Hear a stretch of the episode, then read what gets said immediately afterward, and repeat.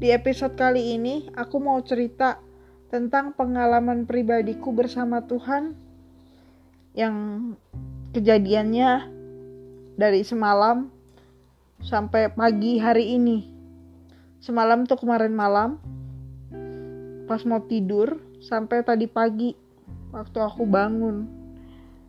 Gimana Tuhan bicara sama aku secara pribadi lewat firman yang aku baca dan renungkan. Gimana kisahnya? Menarik, ini penasaran kan? Aku juga menarik, makanya aku mau bagi sama teman-teman semua hari ini. Uh, jadi ceritanya kemarin malam itu aku sebelum tidur ikutan persekutuan doa malam yang diselenggarakan secara online oleh GKI Kebon Jati kita ngikutinnya via YouTube sih karena nggak ada uh, siaran live-nya gitu nggak ada nah uh, persekutuan doa ini dipimpin oleh Pendeta Yoce Handri Karuh atau yang biasa aku panggil Om Yoce.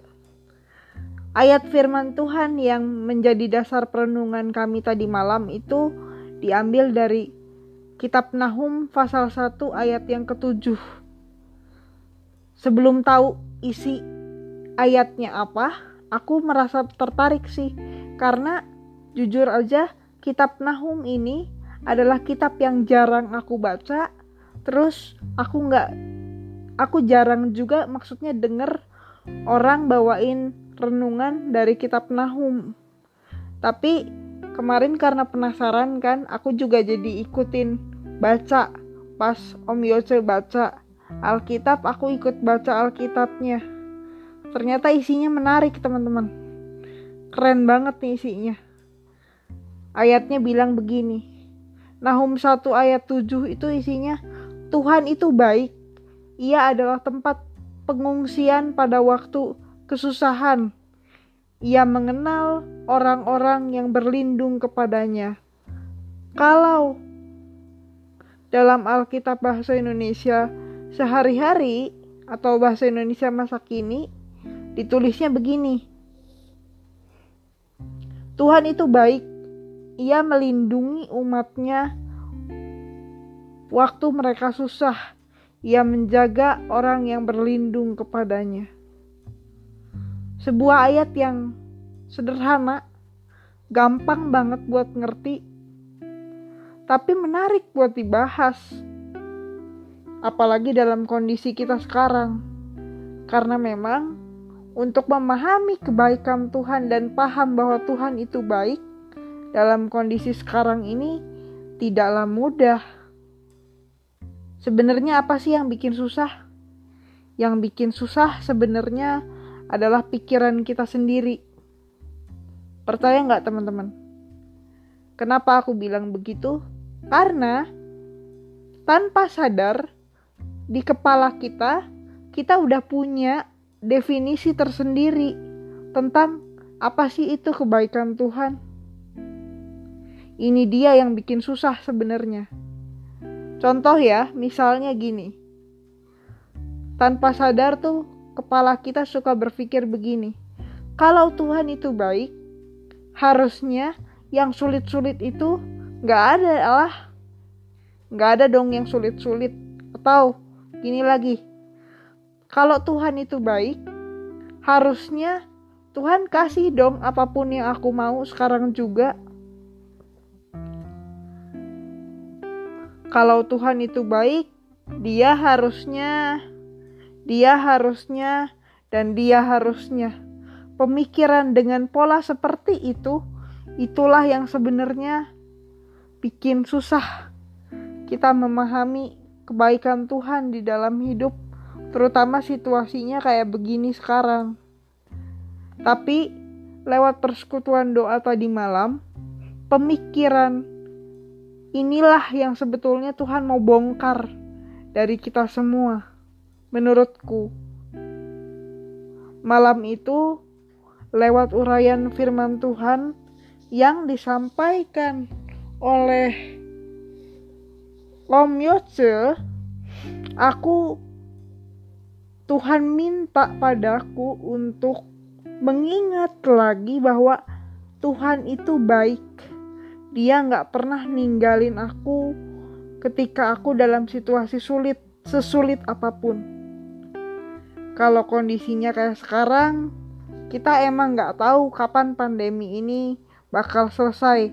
Belum ada orang yang bisa pastiin hal itu. Tapi situasi ini bukan jadi alasan untuk kita tidak untuk kita kehilangan harapan, untuk kita tidak berpengharapan lagi pada Tuhan. Justru kita itu harus senantiasa berpengharapan pada Tuhan karena Tuhan itu baik. Dan itu harus selalu diingat. Harus selalu punya pengharapan tentang hal itu. Dan ada yang menarik lagi nih teman-teman karena acara kemarin itu konsepnya persekutuan, jadi sebelum firman disampaikan ada nyanyi dulu. Nah, sebelum baca Nahum 1 itu kita baca Ya Tuhan tiap jam. Nah, waktu lagu Ya Tuhan tiap jam ini lagi di alunkan gitu, lagi kedengeran musiknya, karena ini yang ditampilkan itu video lirik. Jadi layar HP aku juga waktu ada intronya itu ada ayat di intronya itu. Ayatnya dari Mazmur 38 ayat 9 aku baca isi ayatnya sekilas karena itu ada isinya sama ayatnya. Terus karena dia menarik jadi dia nempel terus di kepalaku bahwa Oh itu Mazmur 38 ayat 9 tuh. Terus karena masih penasaran dengan ayat Mazmur itu, jadi begitu renungan malamnya selesai, aku akhirnya buka Alkitab lagi dan baca Mazmur yang tadi ada di video itu. Tapi kali ini aku bacanya pakai Alkitab bahasa Indonesia masa kini dan aku merasa sih lebih enak dibacanya. Kalau tadi cuma ayat 9-nya ya. Kalau sekarang aku bacanya itu tadi malam lengkap dari ayat 9 sampai ayat 23. Bunyinya begini teman-teman. Ini agak panjang tapi semoga aku bacanya nggak potong-potong. Kalau aku bacanya potong-potong, teman-teman begitu dengerin lagu eh begitu dengerin podcast ini, baca Alkitabnya aja. Eh, sendiri. Jadi ngikutin aku baca oke? Okay? aku baca dalam versi Alkitab bahasa Indonesia masa kini ya. Aku remuk redam dan kehabisan tenaga. Aku merintih karena hatiku resah. Tuhan engkau tahu segala keinginanku. Keluh kesahku tidak tersembunyi. Jantungku berdebar-debar tenagaku hilang mataku sudah menjadi pudar, handai taulanku menghindar karena penyakitku. Bahkan kaum kerabatku menjauhi aku. Orang yang ingin membunuh aku memasang jerat bagiku. Yang ingin mencelakakan aku mengencam hendak menumpas aku. Tetapi Aku seperti orang tuli yang tidak mendengar, seperti orang bisu yang tidak bicara. Aku sungguh, se aku seperti orang yang tidak mendengar dan dan karena itu tidak membantah. Tetapi aku berharap kepadamu ya Tuhan. Dan engkaulah Tuhanku eh Engkau Tuhan Allahku menjawab aku. Jangan biarkan musuhku senang melihat kesusahanku. Jangan biarkan mereka membual bila aku goyah. Aku hampir jatuh, terus-menerus aku kesakitan. Aku mengakui dosa-dosaku, hatiku cemas memikirkan kesalahanku.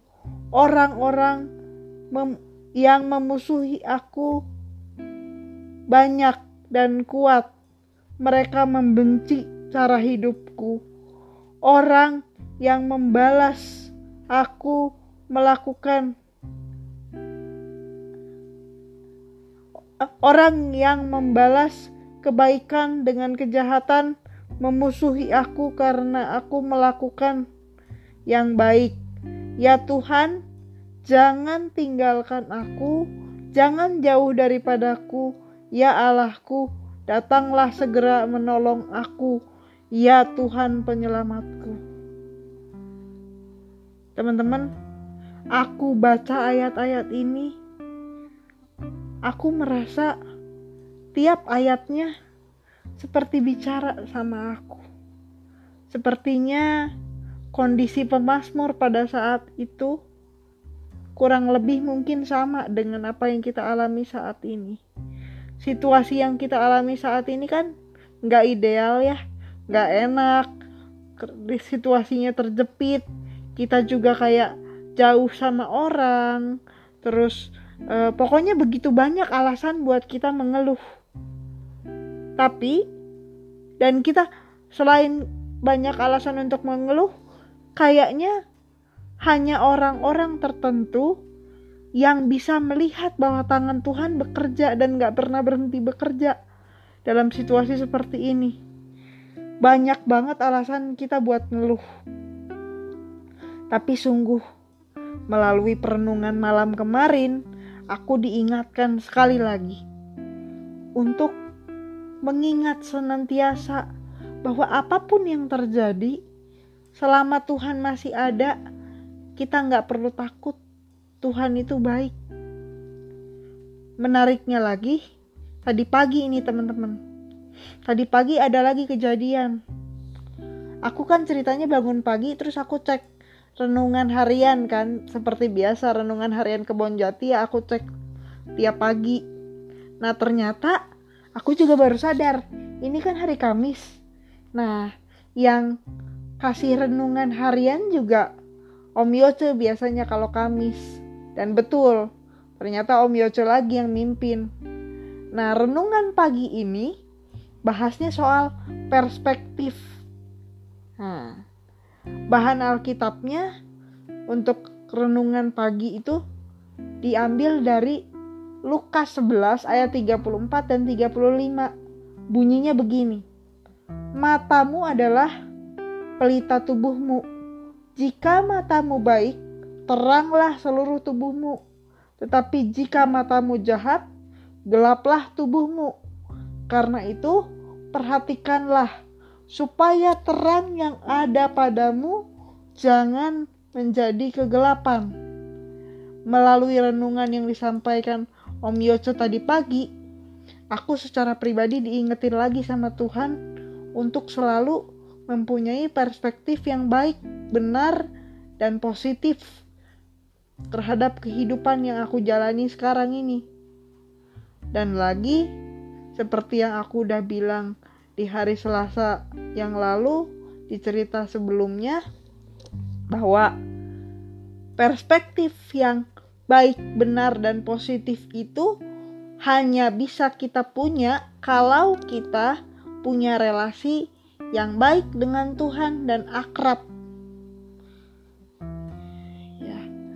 Setelah aku renung-renungkan, setelah mendengarkan renungan tadi pagi terus aku merenungkan ulang, ternyata renungan semalam dengan renungan pagi ini tuh punya keterkaitan.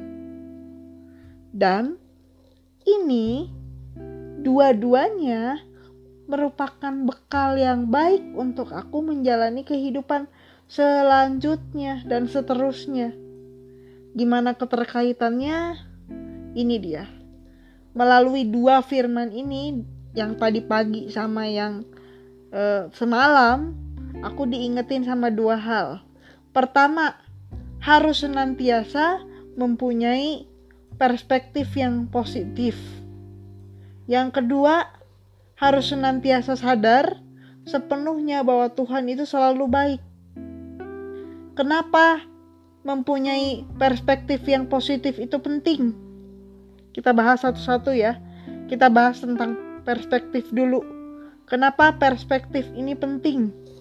Karena perspektif yang positif akan membangun semangat kita untuk menjalani kehidupan dengan penuh pengharapan. Kunci hidup yang berpengharapan adalah ketika kita mempunyai perspektif iman yang benar dan hanya terarah kepada Allah. Itu teman-teman. Terus yang kedua, tadi aku bilang Kenapa harus senantiasa sadar bahwa Tuhan itu baik? Karena seperti ayat di Nahum 1 ayat 7-nya yang tadi. Ia adalah tempat pengungsian pada waktu kesusahan. Ia mengenal orang-orang yang berlindung kepadanya. Ini yang harus diingat. Tuhan itu baik. Tuhan itu senantiasa menyertai kehidupan kita dan kita harus punya perspektif yang positif terhadap hidup ini. Sebagai penutup dari episode kali ini, izinkan aku untuk mengulang kalimat penutup yang disampaikan Om Yose dalam renungan tadi pagi. Katanya begini, bangunlah perspektif yang positif, maka kita akan bisa melihat terangnya bintang yang bersinar di kegelapan malam. Tuhan memberkati kita semua. Amin.